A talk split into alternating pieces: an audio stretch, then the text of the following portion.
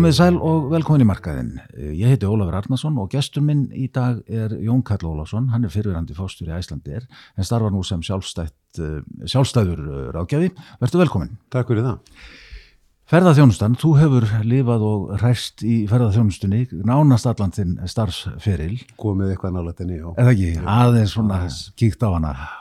Uh, Þetta er orðin aðalatunugrein okkar í dag, eða já, já. allavega önnur, önnur aðalatunugrein. Já, já, og hérna og hefur vaksið gríðalega rætt undanfærin ár og, og svona náða að festa sér í sessi sem, sem sko, ég reynilega viðurkett aðtunugrein. Ég, ég er náttúrulega búin að vera svo lengi í þessu að maður mann eftir því í gamla daga þegar, þegar menn voru að reyna að ræða þetta við ráðamenn, þá litur menn ofta á þetta sem hálfgett hobby, sko.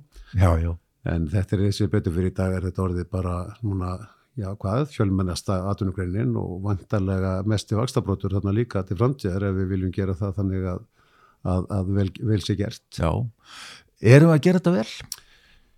Það er margt vel gert, sumt að þessu er, er svona kannski má, má miklu betur fara, ég held að þessi almennt má segja sko að það virðist ekki hend okkur Íslindingum mjög vel að plana fram í tíman En, þetta, en ferðarþjónustan sko, í heiminum, hún gengur aldrei mikið út á það að plana fram í tíman er það? Er náttúrulega svolítið svolítið því að það er auðvitað þegar ferðinni það að verða ferðarþjónustuland eins og við erum orðin við erum komið með það mikið að ferðamannum að við erum lunga orðið skilgjönd orðið sem ferðarþjónustuland að þá náttúrulega skiptir öllu móli hvernig þú byggir upp innviðina og hvernig þú raunverulega lætur þetta passa inn í mannlífið og þú heyri bara í samtalinu sem verður og þú kemur reglulega upp hér um að kemur mikil pyrringur fram um það að þetta þessi ekki lægi, fólk sé ekki að, veist, að nota klósett og alls konar hlutir jú, jú. sem gerist. Og auðvitað er þetta fyrst og næst okkur sjálfum að kenna því að við höfum svo sem ekki verið að byggja þetta nægilega hrætt upp. Við svona látum, við eldum svolítið þróununa með því að reyna svona eftir á að bjarga þessi bjargaverður. Og það er kannski það sem er svona kannski aðal vandin í dag með þetta. Svona frekar en að við séum að hugsa 10-15 ára fram í tíma þá eru svolítið að retta því að þetta verður nú allir læga næstu 23 árin. Já, það er, kemur nú upp í hugan sko þú nefnir þetta að, að nú bara á dögunum þá var kerið í Grímsnesi selt. Mm. Eh, það er búið að vera í eh, eigu aðila í hvað, um 20, 20 ár, ár sem að, sem að sko, tóku sér til og gerðu hluti sem að þá voru mikil nýlunda. Og mjög umdelt uh, og mjög umdelt mann og eftir, eftir ábyrjandi stjórnmálamönnum sem að, sem að voru freka reyðir já, já. Um, en þeir, þeir bara þeir tóku upp tóku upp gjaldskildu eða svo má segja, þeir, þeir fóru að taka gjald fyrir aðgangakerinu sem að, að, fram til þess tíma hefur verið bara öllum opið mm. en þeir byggðu líka upp aðstöðu Já, það er líkið ladrið sko því að svona ofta tíma þegar menn hafa verið ræða um þessi gjaldöku þá svona byrja menn að segja bara já það þarf að taka gjald og svo mæta menn í rauðum kraftkólum með, með posa og, og veifa þessu framann í ferðamennin og þetta gengur auðvitað ekkit upp Nei. og ég menna þetta er bara svipað eins og þegar við funnum sjálf öllendis, mér finnst oft gott að menn sér inn að setjast niður og hugsa bara hvernig ferðast þú sjálfur Þetta er ekkit öðruvísi þegar fólk kemur hingað. Þetta fólk er að koma hér á eigin vilja, það er að koma hér af því að það hefur eitthvað hingað að sækja, hefur áhuga að koma hingað að sjá og það býst við að fá hér ákveðna þjónustu mm. og það er þessi fersta við því að þú komir ákveðna stað það sem þú búið að byggja upp innviði, það sem búið að byggja göngulegðir, salætisastöðu, veitingastöðu og þú kemur, þetta er bara að segja þú kemur í þjóðgarð ellendis eða hvar þú kemur en við einhvern veginn höfum ekki, ekki alveg verið á þessari blaðsíðu, þetta er búið að vera mjög mikil þrjóðaganga, deilt um hvort eigi yfirleitt að rukka og frjáls aðganga landi og flera og það sem að finnast öll er það að útlendingun finnst þetta mjög fyndið þegar þið koma að geisa og þurfa ekki að borga einn, þið skiljið þetta bara ekki, er, ekki er þið ekki lægi með ykkur? Þeir eru vanir að þurfa að borga fyrir náttúruperlu, það er bara eðlilegt, þú gerir það sjálf þegar þú fyrir eðlendis mm -hmm. Þannig að þetta er auðvitað bara samtal en þú þarft samt sem áður að gera sömu kröfu til ferðarþjónustu eins og annar, annars atvinnugrunna, þú þarft auðvitað að fjárfesta fyrst mm -hmm til þess að geta síðan selt aðgang. Þú fer ekki að veiða fisknum að kaupa skip Nei. eða kóta mm -hmm. og það kostar fullt af peningum og þú ert að gera það og svo fer það að fá þinn arð tilbaka og þetta er það bara sami í ferðinstuna með þau auðvitað nálgast þetta virðingu sem raunvölu aðtunningar líka þeir sem er að fjárfesta og, og selja þjónustunum Já, hva, sko nú er, nú er þetta eins og, eins og bara réttilega bendir á þetta er, við erum aldrei aftalega meirinni í þessu. Uh, hver er ástæðan fyrir þessu? Nú, við höfum dæmið með kerið, það, það, það voru engaðilar, þetta var land í engaegu og engaðilarnir tóku sér til, byggðu fína aðstöðu, fór að taka gjald og ég held að gera engin aðtöðasamt við, við það í dag að- borga sig inn Mm. uh, á kerið uh, nú gullfoss og geysir og, og uh, allar þessar ótilandi náttúru perlur sem við eigum Mm. það er bara allt önnur saga það, það er bara, það er aðstöðu leysi Mm. uh, og, og það er frýr já, ókeipis aðgangur en, en þeir liggja jafnvel bara undir, undir skemmtum fyrir vikið, út af átróningi Ég held að hluta þessu sé auðvitað það sem er gamla góða, þetta er, er ágreiningur á milli eiganda, þetta er oft ríkið á eitthvað og svo einhverju landeigandum með og það er ekkert samkofla um hverju á að gera hvað og hverju hvern. Er ríkið vandamálið í þessu? Ég meina, já, og endan verða auðvitað það. Ég meina, ríkið auðvitað, sko, við hefum segja, reyfið sér svolítið hægt, við voruð það þannig Já. og hérna, en, og jafnvel stundum svona eh, svolítið sérstætt, ég veist að einhverlega voru að reyna að kaupa upp land við Jökulsólónu sem dæmi Já, og voru búin að bjóða þar í penning og, og fórum með að byggja þar ykkur flotta aðstöðu og höfðu sjálfsögur ekkert á móti því að láta frílýsins mikið að svæðinu svo hægt er því að frílýsning getur líka verið sko aðdróttar fyrir er það ekki bara sölupunktur? Já, já. já. en þá tókur ekki sér til og, og nýtti sér fórkomsett og kefti þetta land frekar heldur en að leiða enga aðeins að fara inn á það og það er náttúrulega bara síðan þá er búið þrjú að fjóra á liðin og það hefur ekkert gerst í Nei, þannig að auðvitað er það að hluta til það að, að, að, að ríkið er auðvitað ekki að, að reyfa sinni tróslega hratt, það er mikill vöxtur í ferðarþjóðstöðu, þetta gerist mjög hratt og það þarf auðvitað að vera svolítið svona fljótur að svara. Já, já. en þetta hluta til er þetta vandin en síðan er þetta alltaf líka þú veist að, að við auðvitað eigum líka svona það er fullt af fólki sem finnst að þeir bara frjálsa okkur á landinu og það er fullt af fólki sem finnst að það er ekkert að rukka okkur Íslendingana og það er svona með ekkert rukka neitt annan og það, er- það, er- það er ími sjónamið í þessu mm, en það breytir ekki því að ef að ferðarþjónustun á að lifa þá þarf að byggja upp miklu meira innvið heldur en er. Já, við vorum að kvarta fyrir nokkur við því að útlendingarnir væri bara sóðar nýttu bara að væri að gera þarfið sínar ykkur staðar út um allt. Svo ef þið fórst að skoða raunveruleikan þá hafði alltaf verið byggt klósut á Íslandi frá því að ferðum á verið 350.000 og vorum yfir 2 miljónir já, já, og hva- hvað er á fólki að gera? já, já. Og þetta er ennþá þannig í dag að þú ert í vandanað með að komast í alvegnilega saliðisenstöð og jafnvel fjölfutnustu stöðu sem til eru. Þannig að þetta eru þetta hluta þessu eru þetta okkur sjálfum að kenna og hluta þessu eru þetta það að við erum ekki nóg mikið að plana fram í tíman og segja bara er það næstu tíu árum erum við reiknum að fara upp í fjórum miljónu ferðamann eða þrjár sko. já, já. Sér þið eitthvað merkjum að, að við séum að koma til í þessu? Erum, erum, við eitthvað að, erum við eitthvað að skólast? Já, já, það er auðvitað mjög mikil uppbygging átt þess að mjög glæsilegt eins og þingvelli, það, það, það er bara orðið fyrirmynd að koma þar sko. Þú ert að tala um hakið og svo leiðis. Já, já, reyndar finnst mér ekki, þætti mér ekki óöðulegt að menn færi út í það að bara eins og kalla slotta eða bara selja afgang þar sem er stýrður, sko. Mm Þetta er auðvitað í dag þegar við erum að tala um þessi staði sé alveg að springa, þá er þetta náttúrulega það er einhverju 20 myndir á dag eða 50 myndir eða klukkutími kannski á dag þegar allir eru á sama tíma. já, ellendis ferði ekkert hvena sem þér þetta í huginu einhvern þjóðgar, þú ert að panta tíma já, já. og þetta finnst mér það ekkit óverlegt að það verði gert eins hér að frekar en að láta alla verða að tróðast undir við gullósgeysi eða þingullum já. að það sé bara sagt þegar þú átt bara tíma klukkan þrjú eða þú mátt koma klukkan fjögur Mm. þetta er alveg hægt að gera og þarna erum við kannski svolítið eftirbótar en uppbyggingi kringum þessa staði sérstaklega eins og, eins og þingvallum það er bara er mikið til fyrirmyndar og ég held að vatna jökul stjókar og sé svo sem að reyfa sér líka núna í áttina þegar að reyna, að reyna að svara þessu en, en þetta er, þetta tekur á langa tíma uh, og, og uh, þetta er nú það sem útlendingar eru að sækjast eftir er það ekki, þeir, þeir sem koma til Íslands eru, 95% er að sækja þetta náttúrunni. Já, það er bara þannig. Það er ekki nætulífið í Reykjavík. Nei, nei, það er ekki nættilega, það er hins vegar er bara líka hluta af þessu, Já, við verðum átt að áttakur því að þetta er auðvitað, við erum að selja svona eh, nokkuð heilstæðan pakka sko, við erum svolítið upptekina því ofta að tala um sko afleðinga ferðarþjónustu, við erum óað upptekina að flugi, hver fá fljúa og þessi nómarki að fljúa hótelbyggingar, þetta er auðvitað afleðinga ferðarþjónustu, Já, en við erum óað mikið alltaf að ræða þetta, já, veist, og hérna, og þetta þarf alltaf að vera til staðar, en það er valla búið að byggja hótel á Íslandi sem til þessi ferðamann þú ákveður að fara til Íslands til að gera eitthvað. Nákvæmlega eins og þú fyrir til London að því þú ætlar að fara að leika eða ætlar að vestla eða hvað ætlar að gera. Þú fyrir ekki að góð því að hótel þar og það er flugu þar sko, nei, nei, og eða nei. bíl sem fer með þig, þetta eru, þetta eru allt saman afleðinga ferðarþjónustu Já, og þannig erum við ofta mjög upptekinn í samtalenu þú er hirt samtalum að þau ríki að láta flugfjölu fara að lenda við þar og við erum alltaf að tala um eitthvað svona hluti sem að svona, ah, skilur ekki alveg? Nei, eftirspurnin er ræður þessu bara, það er bara þannig. Þannig að, að ef ég skilði rétt þá, þá er þetta að segja að ef að við til dæmis byggjum upp uh, innviði Mm. og, og, uh, aðstöðu í kringum ferðamannastæði eins og Ásbyrgi og, og þessa staði sem eru, sem eru fjarr í Reykjavík Já.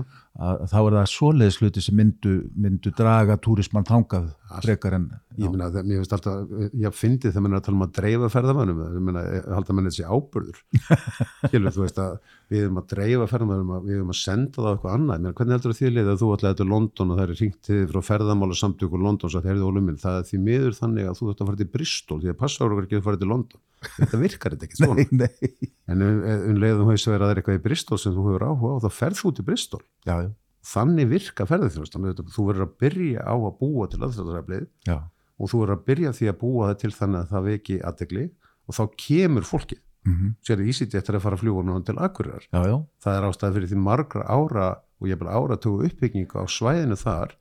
Nú er þetta orðið svæði sem er bara orðið áhugavert að fara til sem áfengastæður þá Já, nú- gerist þetta. nú er bæst við eh, heilmikið eh, þjónusta á Akureyri og, og á svæðinu. Það eru komið þannig, þetta náttúrulega maður veltir í fyrir sér sko, er Ísland að verða svona baðland? Það eru Já, böðin maður, sko. maður, maður heldur að það sé erfitt að vera skýta úr Íslandi með böðið sem verður að byggja. En þetta virðist ganga, þetta, þetta virðist allt halda, þetta dregur að. Já, já, en maður veltir alltaf fyrir sig við okkur hættistundu svolítið til að ef eitthvað gengur þá fara allir í það. Já, en þetta virðist samt ennþá vera þannig að eftirspurni virðist bara vera næg já, en það er náttúrulega gríðalega framkvæmdir í pípunum, í Þjórsádal og Mm. mjög við, þetta eru sko gríðalega hérna hvað, hástemdar og flottar hugmyndir. Já, já, og ég meina ef þetta gengur eftir þá er það meira á þetta flott en maður svona veltið stundu fyrir sig betur hvenar er, hvenar er nóg baða sko? Já, já, já, en, en eins, og, eins og er þá er þetta þetta bara að vera mjög flott. Já. Uh, kallar uh, sko, kallar þetta á uh, meiri svona miðlega stefnumótun eða á að, á að uh, losa frekar um tauminn gefa, gefa enga framtækinu meira tækifæri til að spreita sig og spera sig? Já, ég held að sko þetta þyrfti að vera svolítið miðlægt því það eru þetta þannig að ríkið áorðin svo óbúslega mikið af þessu landi kring sko en það er eins og það held ég er því mjög gæfuríkt ef menn myndi eitthvað með eitthvað hætti geta fundið þá leið að láta þá eitthvað skonar einhvað að koma inn og, og, sjá um það rekstur, gera þá Já. langtíma samninga með skilirðum og en láta þá einhverju aðila sem að hafa sko uh, þannig hagsmunni eða rekstur að leiðaljósi taka þessi þann rekstur, ég held að það sé mótel sem menn ætti að horfa meira til. Já, en, en sem sagt, það verðist oft vera þannig. Við erum að, með eins og segi vatna ykkur stjóðgarður, þetta er þetta ofnbjörn stopnun og, og reykist sér slíkt sko en ég held að það er því svona mörguleiti betra fyrir, fyrir hérna framtíða sínina að, að fá fleira aðalinn sem að hefða þessu raunverulega atvinnu og væri svona raunverulega að sjá fyrir sér lengri tíma fjárfestingar og fleira mm. Þannig að já, ég held að það myndi nú vera betra að gera þetta í samstarfi og, og, og engaðala. Mm Nú er þinn bakgrunnur, hann er í, hann er í fluginu Mhm. og þó þú kunnir ekki að fljúa flugvel sjálfur, þá hefur Aldrei nú. Ég reyndar, ég reyndar hef einu sinni flóðið flugvel, ég fekk að taka í stýrið á hérna DSC-3, það er ekki margir sem að geta það, Já, en ég ætla ekki að fullir í kunna að fljúa. nei Eh, Þú, þú stýrðir Æslandir á sinn tíma Já. uh, og svo varstu um skeið þá stýrður Prímera flugfélaginu Og flugfélag Íslands líka. og flugfélag Íslands, glemum því ekki uh, og svo hefur svo varstu framkvæmstjóri hjá Ísafja þannig að þú þekkir, þú þekkir nú flugrekstur og, og svona það sem honum tengist. Svona, já, eitthvað. já, það voru gríðarlega breytingar er það ekki? Á, á, á, bara horfir horfir bara tvo, þrjá áratví aftur í tíman, það voru gríðarlega breytingar Þetta er náttúrulega gríðalega breytingar og, og, og sko, það er raunverulega, ég held ofta að Íslendingar átti sig ekki alveg á forréttindi þess, þetta er raunverulega þessa flugsangungu til og frá þessu landi hérna. Og það byggir auðvitað því letinu og, og á því að, að það hefur tekist með mikilli vinnu, gernum ára, áratugi að gera Íslanda einhvers konar tengibanka á milli tveggja stærstu markaða í ferðum mm eða með stærstu markana sem er þá Amerika og Europa já, og uh, það er auðvitað það sem heldur uppi þessari gríðilegu tíni og þessu gríðilegu fjölbreytta flugi sem er hér á þessu landi. Menna, við erum auðvitað ekki, við glemum stundum að við erum svona eins og meðal borg og jafnvel minniborgir í flestum löndum. Jú, jú. Og það er hvergi hægt að finna sambaralega flugsamgöngu við nokkuð einasta svæði held ég bara í heiminum geti fullirt Coventry sem er nú, svona álíka mannfjöldu á Íslandi er alveg öruglega ekki með samskona flugsamgöngur. Og ég meina þú veist þegar þú segir til með það sem er staðrind að það eru fleiri beinflug á hverju minnst þetta degi út úr, Keflavík til Ameríku heldur samanlagt út úr í Svíð og Finnland og Danmörku.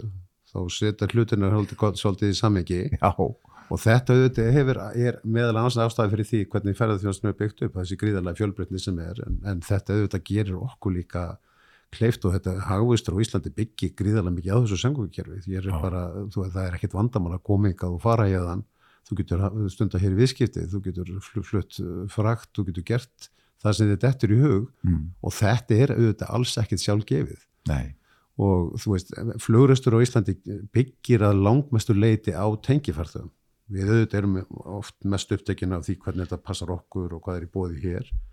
En ég veit ekki nákvæmlega hver hlutalli hjá Íslandi er akkurat í dag, svo sem langt sem maður sé þessar tölur. En þetta voru Já. kannski 15-20% sem íslenski markarnir var að skila þá inn, inn í heildatekjurnar. íslenski markaðin er þá að tala bara við Íslendingar sem erum að fljúa Já, við reyndar erum ótrúlega sko, við erum sko stærsti flugmarkar í heimi per haus, líka sjálf sko, því að ég held að við séum sko, við að fljúum svipað eins og 8-900 úsmanna marka að vera að fljúa. Já, já, Við förum að tvisvar til þrísvar ára meðatali til útlanda, Mm. þannig að við erum að, við erum að skapa kannski á bylunu 800 til miljón farþega út úr þessu litla markaði sem er alltaf mjög sérstætt sko. En auðvitað, svo er náttúrulega ferðarþjónustum komin til, þú ert með ferðamenn að koma, en, síðan ertu með þessa gríðarlega fjölda sem við erum að nýtir keflaug sem teiki. Já, Og þetta er auðvitað það sem hefur byggt upp mikið til þessa ferðarþjónustu. Ég fullir líka hagvöst og, og þetta hagkerfi sem er hér. Þú værir ekki takt að vera með þennan alþjóðarekstur hér nei eh, sem oft er endar menna, þú ert með krónu, þú ert með tungumál, Jú, jú. notum það, en Jú, þetta er samt sem áður með alveg hvað er, Erfitt að skipta út tungumálunu Það er en, en mögulegt að skipta út Það gjaldmiðlunum mætti hugsalega gera það, já. En þetta er samt sem áður er, er líkil atriði Já, að hér er bara mjög einfalt að komast til og frá og það er aldrei hluti af einhverju vandamáli í, í skoðun manna að það sé eitthvað, eitthvað afskekt hér og það er fyrst og næst út af þessu flugsakungu sem við höfum byggt upp. já við sáum náttúrulega bara bara sáum það mjög áþreifanlega þegar COVID gekk hér yfir og, og flugsamgöngur nánast lögðust af Já. Eh, hvað þetta var gríðaleg breyting, hvað, hvað við erum orðin góðu vön í sjálfu sér. og þú veist að það er bara eins og segið það, sko, að það skulle vera hér tvö íslensk flugfélag sem er náttúrulega bara í sjálf sem stórmerkilegt með höfuðfjölda þá Já. er það mjög merkilegt.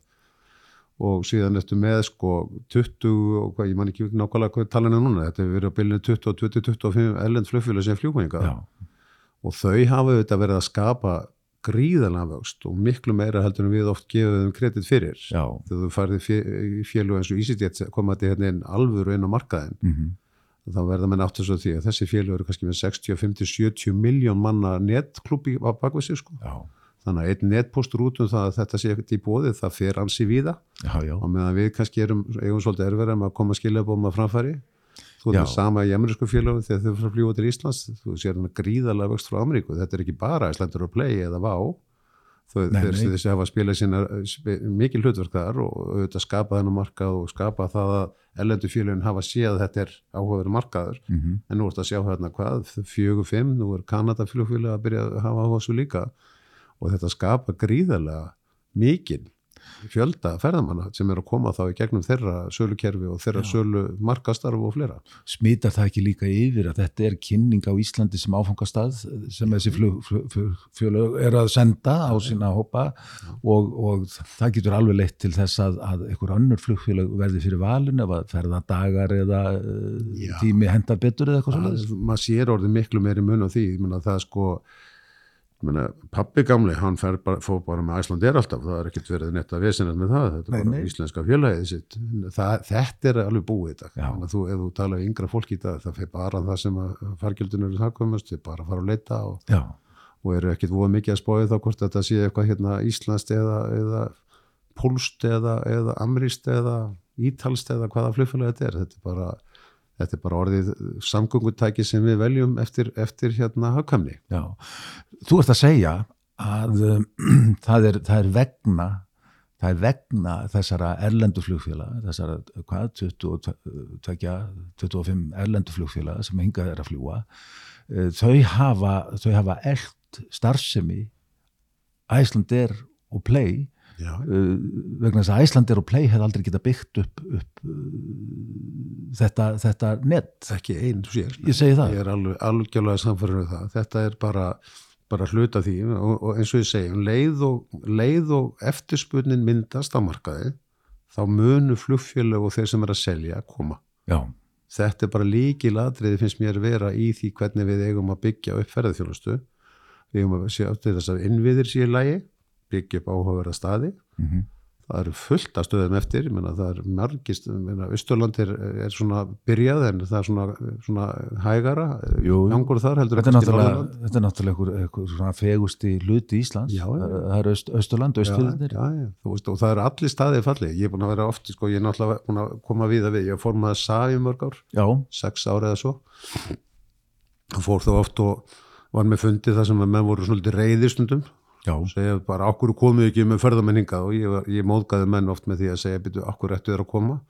Og menn eru mjög reyður og segja bara, hvað er þetta að koma hér með eitthvað svona dónaskap, ég meina, þú veist, og ég segi, nei, þið er alveg að miskila spurninguna, sko. Ef þið getið ekki svarað þessari spurningu, já, þá getur ferðamæðurinn ekki svarað henni. nei, nei. Þú veist, hvað er það sem þið eruð að selja? Mhm. og þá hafa, voru svörin ofta það, já, við erum með hóteli hér og við erum með þetta og hitt. Og maður sagði, já, ég, þetta er allt saman aflegar það er engin hótel ennþá komin á Austurlandi, Norrlandi eða eitthvað staðar sem að er raunverulega að segja bara ég verða að fara til Íslands að sofa á þessu hóteli, það er bara ekki til. Nei, nei. En hins vegar eru ég menna það eru bara eins og Austurlandi, þú ert með stærsta manngeru stíplu í heimi eða í Evrópu já, og já, það eru komið mjög fallegur leið í kring og það er komið gljúfur þarna og stuðlabergi þarna í kring já, ég meina það, það, er komið náttúru perla sem er orðin til vegna framkvæmda, virkina framkvæmda. Og við gleymum því oft þegar við erum að tala um þú veist og og banna hér virkjanir að þú veist að mikið hluta af náttúrupörlum Íslands minn elliða vatni náttúrulega bara já, myndi eitthvað vilja mér losna við það í dag? Veist, þetta er náttúrulega þetta er náttúrulega hluta af þessu og mikið hluta af þessu líka. Uppbyggingu á vegakernunum á landinu hefur mjög byggst í virkjunarframkvæmtur Já, og þess vegna eru ferðamenn að komast á staði sem þeir alltaf kemist ekkit á. Nei. Þannig að með þurfa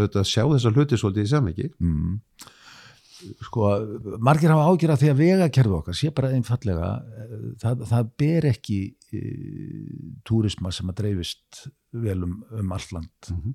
uh, er þetta ekki ávikefni að, það- að innviðinir okkar séu bara ekki í standi til að, til að taka við uh, daldi gaman að því ég, var með, ég var með hér í síðustu viku Egil Jóhansson hjá Brimborg og vorum að tala um orkuskiptun og svona og hann sagði sko stóra stefnan er alveg frábær. Við erum búin að lögbinda markmið og svona með, með sko, samdrátt í losun og, og, og, og orkuskipti og, og svo leiðis það er bara framkvæmdin sem, sem er í mólum er, erum, við með, erum við með stefnu erum við að, erum við að framkvæma stefnu sem að, sem að skilar okkur innviðum Hva, hvert er þitt maður? Eh, Stuttasvarið er nei sko ég er nefndar bara ré- réttu þetta, ég er nú stjórnumformar í fyrirtæki sem er einmitt að reyna að byggja upp líka svona hraðlislu innviði Mm. og hefur haft og verið að benda á það að til þess að, að þessi rafbíla væðing sem menn er að tala um sem hluta af þessari orkurskipta stefnu verði þá er mjög mikilvægt til dæmis að bílalúbíla verði til dæmis mjög hratt rafbílar Mm -hmm. En á meðan þú getur alltaf keirt sko Suðurlandið, öðruvís heldur en að vera með hérna hlæðslukvíða bara um leiðu leggur á stað og þá er það ákveði vandamál sko. og það er hins vegar mjög erfitt að sjá hvernig þú ætlar að gera þetta því að um leiðu fer að tala um að byggja alvöru stöð sem er auðvitað kannski komið með 10-15 hraðhlæðslustöður inn þá ertu komið alvöru raf leiðslu að þessum stöðum mm. og þá ertu bara komin í vandamál yfirleitt bara um leiðu þú byrjar að tala um þetta Já, þannig að þetta er auðvitað bara hluta þessu vand er það að, að við svona slengjum þessu fram en það er svona kannski erfiður að gera ykkur sko eins og þér, ég var formaður SAF Já, og 2001 minni með að hafa verið á aðalfundi þá höfðum við yfirskrift fundarins miljón ferðamann á Íslandi við viljum við taka mótið og hvernig ætlum við að taka mótið? Þetta er 2001 þetta er rúmum á- 20 árum. Já, Já. og þetta á þessum árum var þetta kringu 350-60 þúsund ferðamenn og það var mjög áhugavert að fylgjast með viðbröðunum frá ráðamönnum og fjölmjölum þeim fannst þetta alveg óstjórnlega að fyndið að ekkur, skildi eitt í hug. Og þarna vorum við einmitt að koma með þessar spurningar sem þú ert að velta á, við vorum að segja byrju, sko, ef að koma miljónferðamenn og þetta var bara gert þannig, bara þess að segja það strax þetta var ekki svona hávísindaleg aðferð heldur tókum við hallatölu sem var semst vöxt ferðamanna frá 1960 til 2000 mm -hmm. og löguðu þessa hallalínu á ásinn og þá áttu þetta að gerast 2024, þetta á næsta ári. Aha. Og við vorum að segja, byrju, gæti verið að við þyrtum á þessum 20 árum sem var þá fram að því að 20 eitthvað að velta fyrir okkur nákvæmlega þessum spurningum. Minu, erum við með vegakerfi sem tekur við miljón ferðamönnum? Það gæti til og með sítt ef að þeir dreifðast dreifast með þeim ætti að koma allir hér rétt yfir sumar eða þá eru kannski í einu mánu rónum miklu fleiri ferðamenn heldur en Íslendikar að kera Mm -hmm. Uh, getum við þurft að ræða helbriðskerfið löggjæsluna uh, það getum við þurft að ræða sko, eins og segja vegakerfið uppbyggingu ferðamannastaða uppbygging á innviðum bara til þess að taka við þjónustu. Og eins og segja, mennum þótt þetta rosalega fyndið. Hlóðum ekki að þessu og fannst bara alltaf sama björnsinn í ykkur ferðarþjónstuliðina. Þetta gerist náttúrulega 2014, þetta varði exponential miklu hraðar. Já, já, og í stuttum hólum að segja við erum eiginlega ekki farin að svara þessu spurningum ennþá. Nei. og Við erum alltaf á eftir. við erum alltaf á eftir og sko í sjálfu sem að segja þetta eins og það í dag, við sjáum auðvitað uh, því miður og sorglegt að það er oft tíu mjög er- erfið slís, við erum til þess ennþá að með malbygguna framkvæmdir all, öll sumur þar sem við erum að leggjum lausamölun á vegi og, og, og látum bíla verða valtara Já. þetta er ákveði vandamál fyrir fólk sem kann ekki að kera á þessu Mm og, Sem eru náttúrulega flestir túristar. og flesti túristandir Já. Þannig að auðvita og við erum ekkert að uppfylla og það er margir sem að benda á það við erum ekki að fara eftir þeim reglugerðum sem við jafnvel skrifuð undir með merkingu vega, breytt vega. Mm. þannig að já já þetta er, þetta er vandamál þetta er hluti vandamálsins sem að við erum að glíma við. Já, maður tekur eftir því maður kemur til útlanda og að, að agreinarnar eru breyðari. já, já, þeir eiga að vera það líka svo reglugerð. Já, það er bara þannig. Þannig að, og við heldur við séum meira að sé búin að samþykja það reglugerð sko en við einhvern veginn við erum ekki alveg og, auðvitað er þetta gríðarlega stórt verkefni, við skulum bara hafa það alveg hreinu, Ísland er náttúrulega ekki beint lítiland og þetta er gríðarlega, gríðarlega mikið svæði sem þarf að gera og sérstaklega ef, ef þetta kannski hefur ekki hvað sé, það verið gert um, með eins markmið sem hætti eins og kannski mætti tala um ef, ef að þetta var markmið út af fyrir sig þá mm er þetta svolítið erfitt að taka sér til og auðvitað eru núna framkvæmdir fyrirhugaðar já, já. en, en þetta fyrir auðvitað opáslega mikið alltaf að tala um jargöng fyrir, fyrir innanlandsmarkaðin sko já. er svolítið, við, við erum svolítið mikið þar og með fullir vinningu fyrir því ég ætla ekki jú. að tala það niður en það auðvitað verður ekki eins mikið þá fra- lagt í, í framkvæmdi við ve- vegi sem eru að fyllast af ferðamönnum Já, það er kannski meira, það er kannski stærra atriði bara út frá umferðaröryggi og, og bara út frá stöðu okkar sem, sem ferðamannaland að, að byggja upp þessa megin eh, svona eh, já, þessa megin leiðir eh, segjum bara þjóðveg eitt. Já, já, en ég meina, þú veist, við skulum samt að halda á lofti því sjónamið sem ég veit að er að, meina, það menn er að venda byggðir og vilja halda og reyna að opna atvinnusvæðin á byggðum og svona, og meina, þetta er allt saman valit sjónamið, já. sko, en eins og segir, þú gerir valla bæði, Nei, þannig að svona, við getum... er hægt að vera með væri, væri mögulegt að fara þá leið sem að margar aðrar miklu þéttbíli og, fjölmennari eh, lönd hafa, hafa gert sko, sem er að, að eh, ég láta, láta notendur samgöngum mannvirkja borga þau með, með vegatóllum og slíku. Já, ég, ég, er- ég er algjörlega þar að það auðvitað er hluti af þessu, sko, að, að gera það þannig, sko, og við höfum var löngu að vera búin við, við erum mjög lengi búin að vera núna að ræða um hvernig við höfum að velleggja þú veist, og rafbíla og fleira, menn eru búin að vera að kera rafbíla hérna bera menna mjög litlu kostnað undan fyrir og menn ég er mjög lengi, ég er búin að eiga rafbíl síðan 2015, þetta er búin að voða næs. Já, já. En hérna þetta er í sjálf sér samt alveg galið ef þú hugsar það.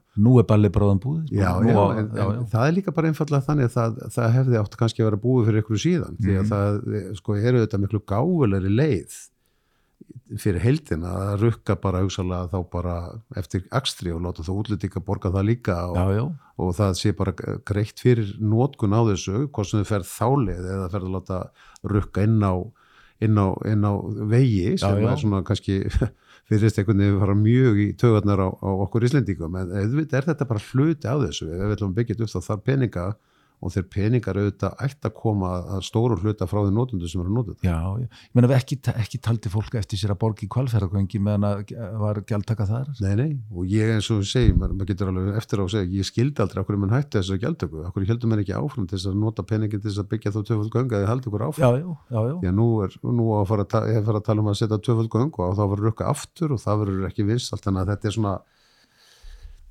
ég veit ekki, mér finnst þetta stundum tal einhvern veginn verða þannig að við dettum í það að bara, þú veist, við viljum ekki borga. Já, já, við viljum fá allt ókipis. já, og við borgum alveg nógu í gegnum eitthvað annað og sköttum og svona Já, en, já. en við þurfum auðvitað, minna, tvær og hálfum mila ferðamenn, við viljum gætna að þeir borgi líka fyrir notkun, Jú, það er ekkert óeðlegt nei, nei, það er bara mjög eðl. og þeir ætla stila sér sjálfsög, eða ekki ætla sér þeir búast við því, Þannig að þú veist að, að auðvitað þurfum við að fara að setja kerfið upp sem að tekur á því að þetta er bara orðið miklu miklu starra samfélag, bæði eru við okkur að fjölga erlendum aðelum að fjölga sem búa hérna já, já, og svo ertum með þennan gríðarlega hóp ferðamanna sem að vilja auðvitað eiga að vera að borga inn í samfélagi og gera það auðvitað ekki ennum við svo skatta og fleiri skatta Jú, og skilja hér eftir peninga. Já.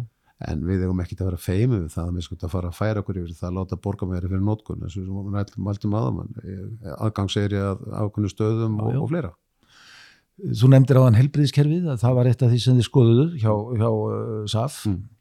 Uh, þar hefur lítið gerst í uppbyggingu. Er það ekki rétt skil í hjá mér?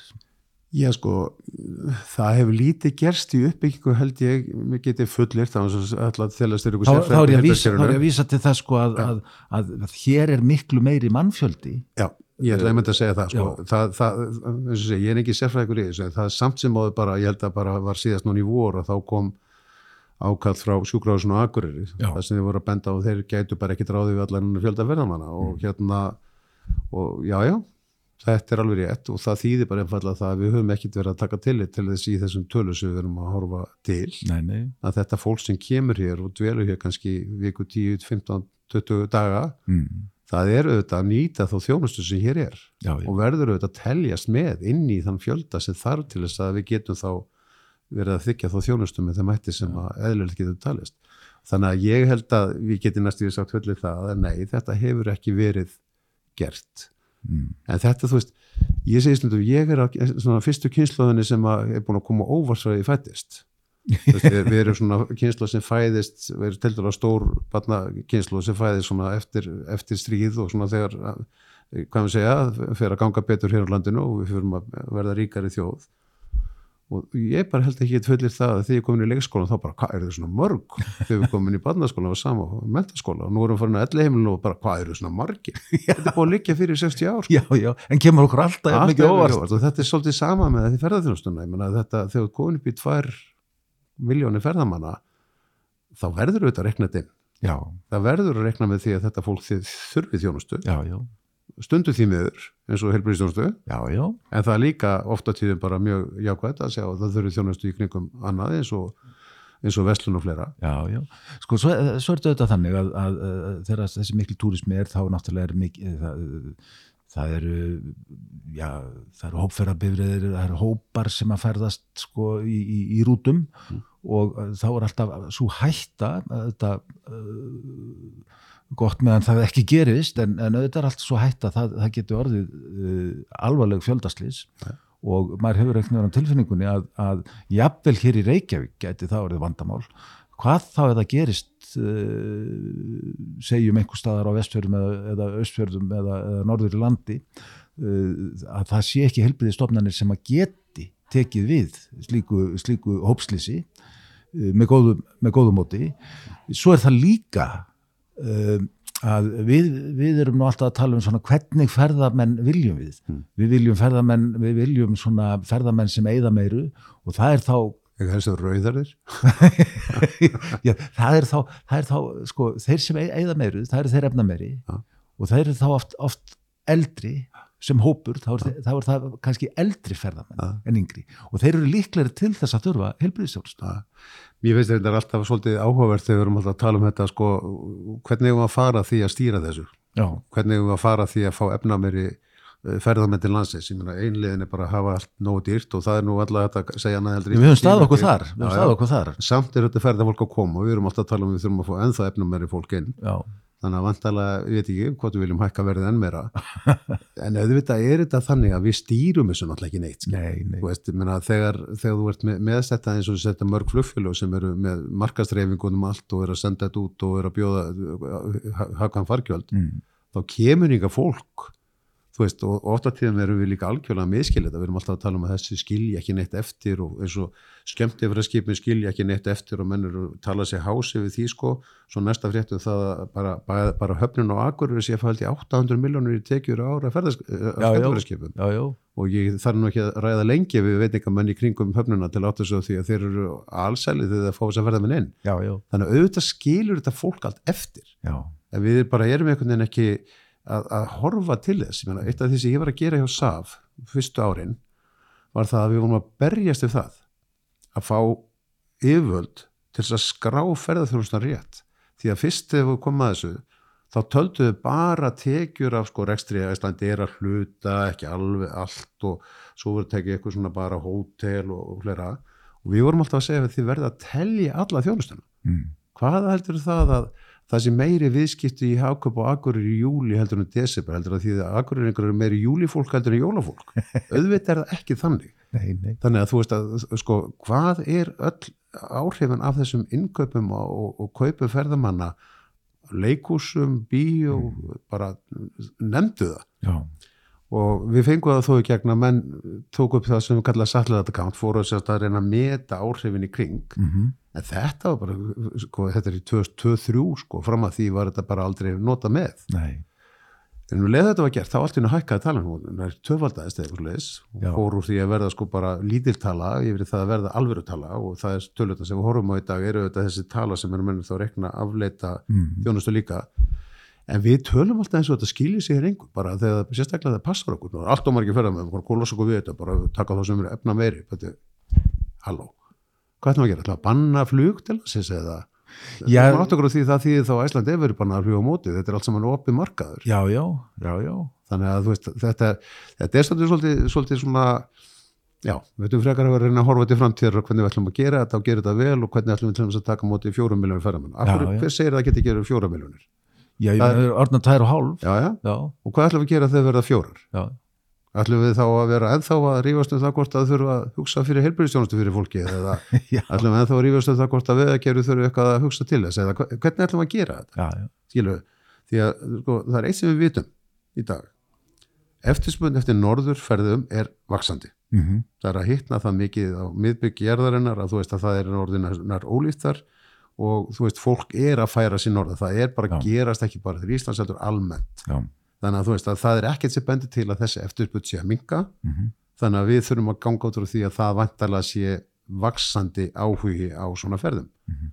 Þú veist, Ísland er auðvitað staðu sem er mjög sérmyrandi þarna, þú ert með hérna, viðerni, þú ert með Meina, veist, sko, við, við ofta tíðum eru versta fólki sjálf sko, ég, asnarast að hvörtu sér vekk einhvern tíma frá, ég, þegar ég var hjá Íslandi var þýsku ferðamaður sem kom eitthvað eitthvað sömar sem var 20. hitti dag eftir dag og hann kvartaði ég bara gæti alveg verið heima hjá mér ef ég, ég kom eitthvað til að lenda hér í svona útsinningi þetta er bara annar markað fólk er að koma til að sko upplifa ákveðna hluti sem það er ekki að upplifa það er að komast úr sólinni, Það að ekki í sólinni, svo, og veist, og ég man alltaf þegar ég kom til Þýskalandsvist þá sko var að horfa á bæklingar sem voru þá notaðir frá ferðamálur og þetta var alltaf maður að sagði, "Bíddu, hvað, hvað er verið að selja? Þetta voru yfir léttklætt fólk liggjandi á einhverju sandi með mikið að sóli kringu sig. Já, þetta var bara okkar bæklingu fyrir, fyrir spán sem okkur fannst að vera merkjulega, þá byggum við til leys fyrir Ísland. Já, já, þetta er ekki það sem við erum að selja.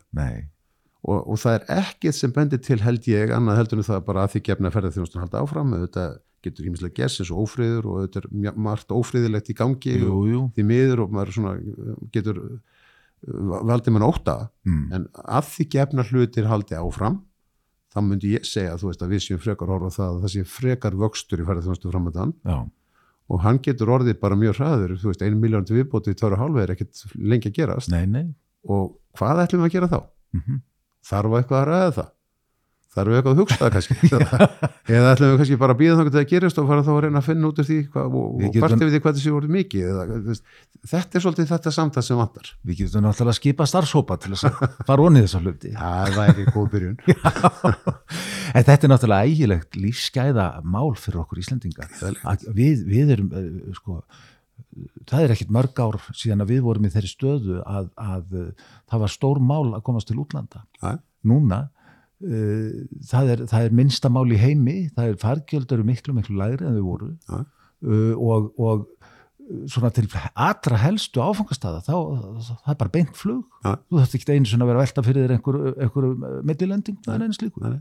Þetta er ótrúlega góð þjónusta í flugi til og frá Læsulandi og þetta er gríðarlega mikil velsald í þessu fólkin sem að ég held að við verðum bara að passa að menn átti sig á og, og, og sjáu hversu gríðarlega mikið þetta gerir fyrir land og þjóð mm. og ekki bara ferðarþjónustu því að þetta er Nei, bara eins, og sé, allur rekstur bara útlutningur og fiski eða, já, já. eða vörum eða hvað það er fyrirtæki sem koma hér og starfa hér þjónusta sem við erum að selja út þetta er náttúrulega bara markasetning það að fá alla þessa ferðamenn það þýðir það að, að, að, að sko, íslenskar vörur eiga greiðari aðgang Já. á markað elendis það er bara, það, segi, það er, það, þetta er bara hlutu sem er augljus. já, já.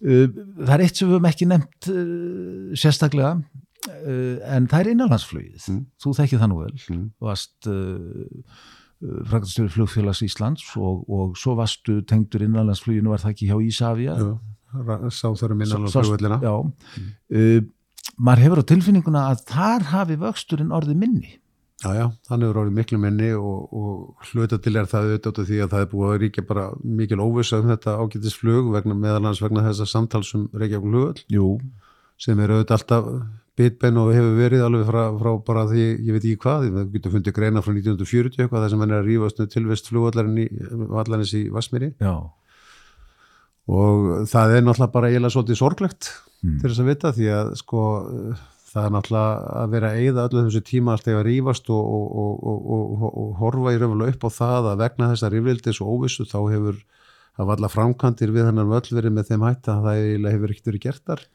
Nei. og þetta verður þar að leiðandi eitt ljótastasvæði Reykjavík sem gerir fólk ennþá ansnúnar þessu Mhm. þannig er alltaf valla byggt, þannig eru húsin orðinassi, húsi gengin og sem hver jafnvel meir en það og já flug, hús, húsin og mannverki á flugöllunum Já, já. já, já. Ég meina ég skal alveg fullir að það að flugstöðun hann er be- besta flug, flugstöður Reykjavík en hún gæti verið betri. Og þetta er auðvitað bara hluta af þessu, ég hef stundur reynd að að benda fólki á það að, að, að hérna innanlandsflug á Íslandi er raunverulega einu samgöngunar sem eru fyrir okkur sem eru hérna aðeins hraðvirkara heldur en að kera já.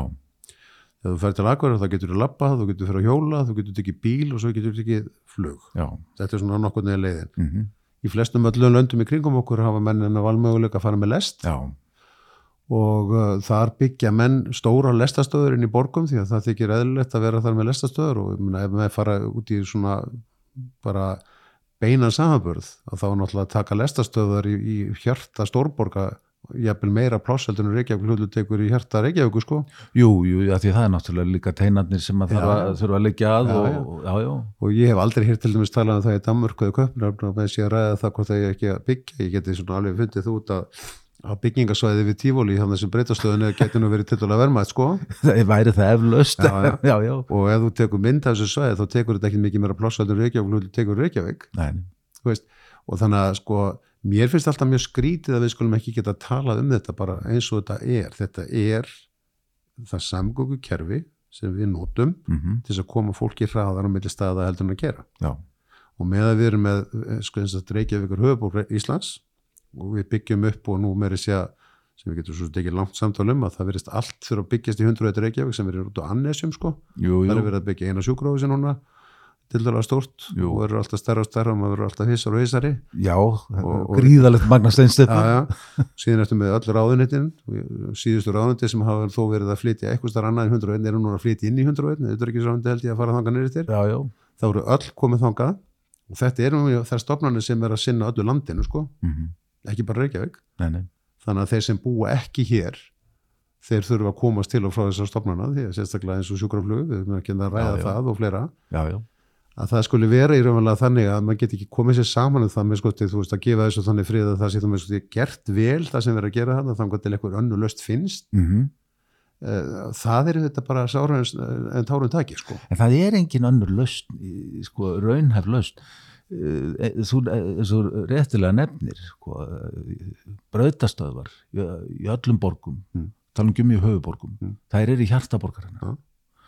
uh, og, og Þetta er okkar bröðastöð í raun og veru, Reykjavík. Ég vil fullera það, já. já. Það sé þannig. Og hérna, meðan við erum ekki með aðra leiðir, ég, mena, ég ætla bara rétt að vona, við fyrirum ekki að ræða mikið í lestasamgöngu því að það er, sko, það er, ekki, það er, það er skriljarða framkvæmdir, þetta er svo dýra já. Og maður nátt ekki á því, en það er einfallega þannig að lestarkerfi, flestra landa, er mest niðugrætt að samgöngukerfi allara landa í Európu. Þetta er yfirleitt mjög niðugrætt af, af ofnbörum aðalum. Mm -hmm kostar gríðilega peninga þannig að þú veist að þetta er mjög dýr samgönguleg. Sko þetta er auðvitað, þetta er auðvitað kostsendir eins og menn segja svona, svona almenningssamgöngukerfi ja, ja. en það sparar kostnað á, á öðrum sviðum ja, uh, ef þú verður ekki með þetta lestanett í Európu þá þurfti þjóðveganettið að vera miklu miklu þjættirriðnar á öflura. Og þetta er nákvæmlega sem er rauk og ég segi með einarflug það er bara einfallega þannig, þú veist að ef þú ætlar að vera með eins og Akureyri, þú, þú sér eins og háskólan Akureyri hann þrýfst mikið á því að það er innanflug með, með báðum samgöngu við Reykjavík. Þú er með kennara sem ég er að kenna á báðum stöðum í einu og bara fljúa mill og pendla. Já. þetta er bara gert af því að þessi var alveg mögulegið til. Hinn var mjög sá þú ert að keri fjóra tíma. Já, já. og þegar menn er að tala um að flýti innanflug til kemlaðugur þá er það þannig að, að innanflug er þá lengst frá höfuborg allar að borga í Európa Já, já er ekki algjörlega óraunhæft að tala um flutning og innanlandsflug til keflaugur án þess að, að tala þá líka um uh, lest milli Reykjavíkur og keflaugur Ég menna annarkort það eða þá að flytja þessar stopnarnir sem eru megin stopnarnir í þjófélagsins nær flugvöldunum. Það er þá, okkur erum að byggja spítala þá þarna. Menna veist já, það er að byggja miklu frekar á stóri hefnafyrði sem verður þá nær. Já, já. Sem að þú, en, en, það er, er þannig, en, en það er náttúrulega líka annað sem er mjög áhugavert í þessu þegar mann er að tala um bara að loka Reykjavík og flytja allt í keflaugur. Mm þá er það þannig að, að það erði, ef ekkert annað er þið gert, þá er þið kemla flugullur eini flugullurinn á söðvestur hodni landsins. Mm -hmm. og það er yngri þjóð annar í heiminu sem dettu þau í huga að gera það þannig að hafa eitt flugull og menna ef hann lokar. Ef hann lokar við, hvað ætlum við að gera, ætlum við að þá flugullu bara það er eiginlega bara það er alveg saman hvort það ferð. Menn er alltaf að tala um að þetta séu engi flugullurinn í borgum, þetta er bara ránt meður í London er, er flugut mest vaksandur flugutur í London er City. Já, já. þú ert með kaupanarflugutur er ekki náma 12 km frá miðborgri kaupanarfnar og svo eru held í 10 eða 15 km yfir á Malmö. Jú, jú. og þú ert, ef þú fyrir til Stokkons þá eru þeir ennþá þeir búin að vera að deila það lengjum og loka flugutur en get ekki loka hann meðalans út af því að þeir stjálf ekki fært að loka eina fluguturinn í Stokkon Þannig að þetta samtali einhvern veginn næri aldrei því flugi, við, við yrðum þá vantala að byggja annað flugvöldin það einhver staðar á svæðinu og það hefur bara reynst mjög erfitt að finna flugvöldastæði svo, svo er bara, svo er ákveðnir það er ákveðna blikur á lofti við erum með, með, með jörð, já, það er mikilvægt að gerast, mikið að gerast í jörðunniðri á Reykjaneskaða og, og það ef, maður, ef, maður, ef ég er ekki að miskilja þessa eldfella sérfræðinga þá þá er það ekki, ekki langsóttasta uh, sviðsmynd í heimi að það getur lokast bæði Suðustrandavegur og, og Reykjanesbröð ja. Og uh, hvað ætlum við að gera þá? Ja. Ég er alveg sammálað þessu.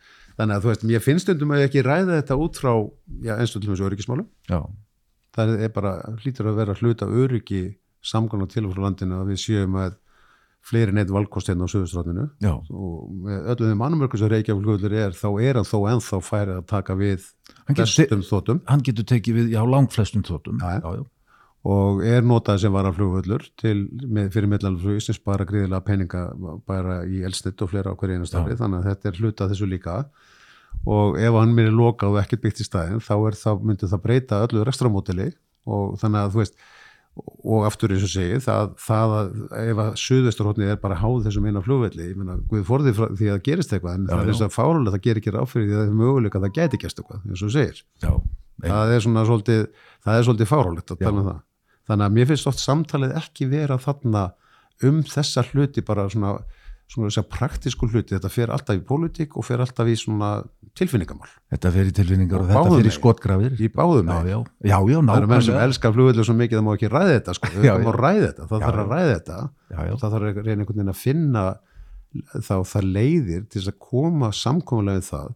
Það væri hægt að gera Reykjavík miklu falleri stað. Það þarf ekki alltaf þetta pláss sem hann hefur Nei, og hluti vandast með Reykjavík flugvöld alltaf tekið mynd og annað. Og það er öskjulíðin tekur eiginlega gríðalega stórt plássu og það er bara útvistarsvæði sem ekki vil snarta það hefur ekkert með flugvöldan að gera. Nei, nei, nei, nei. meiri sé að fann aðeins að há honu því að trénu vaksa þar. Já, það þarf að, það, það er nú ekki langt síðan að þurft að, þurft að fella tré eða, eða, Nei, og nú er ég bara krafum það að fella meira og þá, þá er það fólk við reytti við því að það þurfa að fella, fella skó sko. Já, já, en þetta svæði í heilsin er þetta miklu starra heldur sem nefnir því sem eitt flugvöllur þarf. Já, og borgarflugvöllir er ekkit að taka endilega mikið pláss í borgum sko. Nei, nei, og það er alveg hægt að byggja kring og koma samkomulega um það en, já. en það er bara rifist um allt sko. Það er rifist um allt. Og um, við erum nú ekki að rífast en, en við getum haldið áfram að ræða þetta Ég lengi en, en Jón Karl Ólafsson, uh, við komumst ekki lengra Nei, bara gaman að sitja og spila Já, þakka þér fyrir áhugaður spjall og Sömuleiðis. ég fæ kannski hóið aftur síðar. bara, það er ekki langt að fara. Nei, ah. Þakka þér komuna. Takk. Góði gestir, uh, góði hlustundur, uh, ég þakka fyrir mig í dag við heyrumst aftur að vikuliðinu.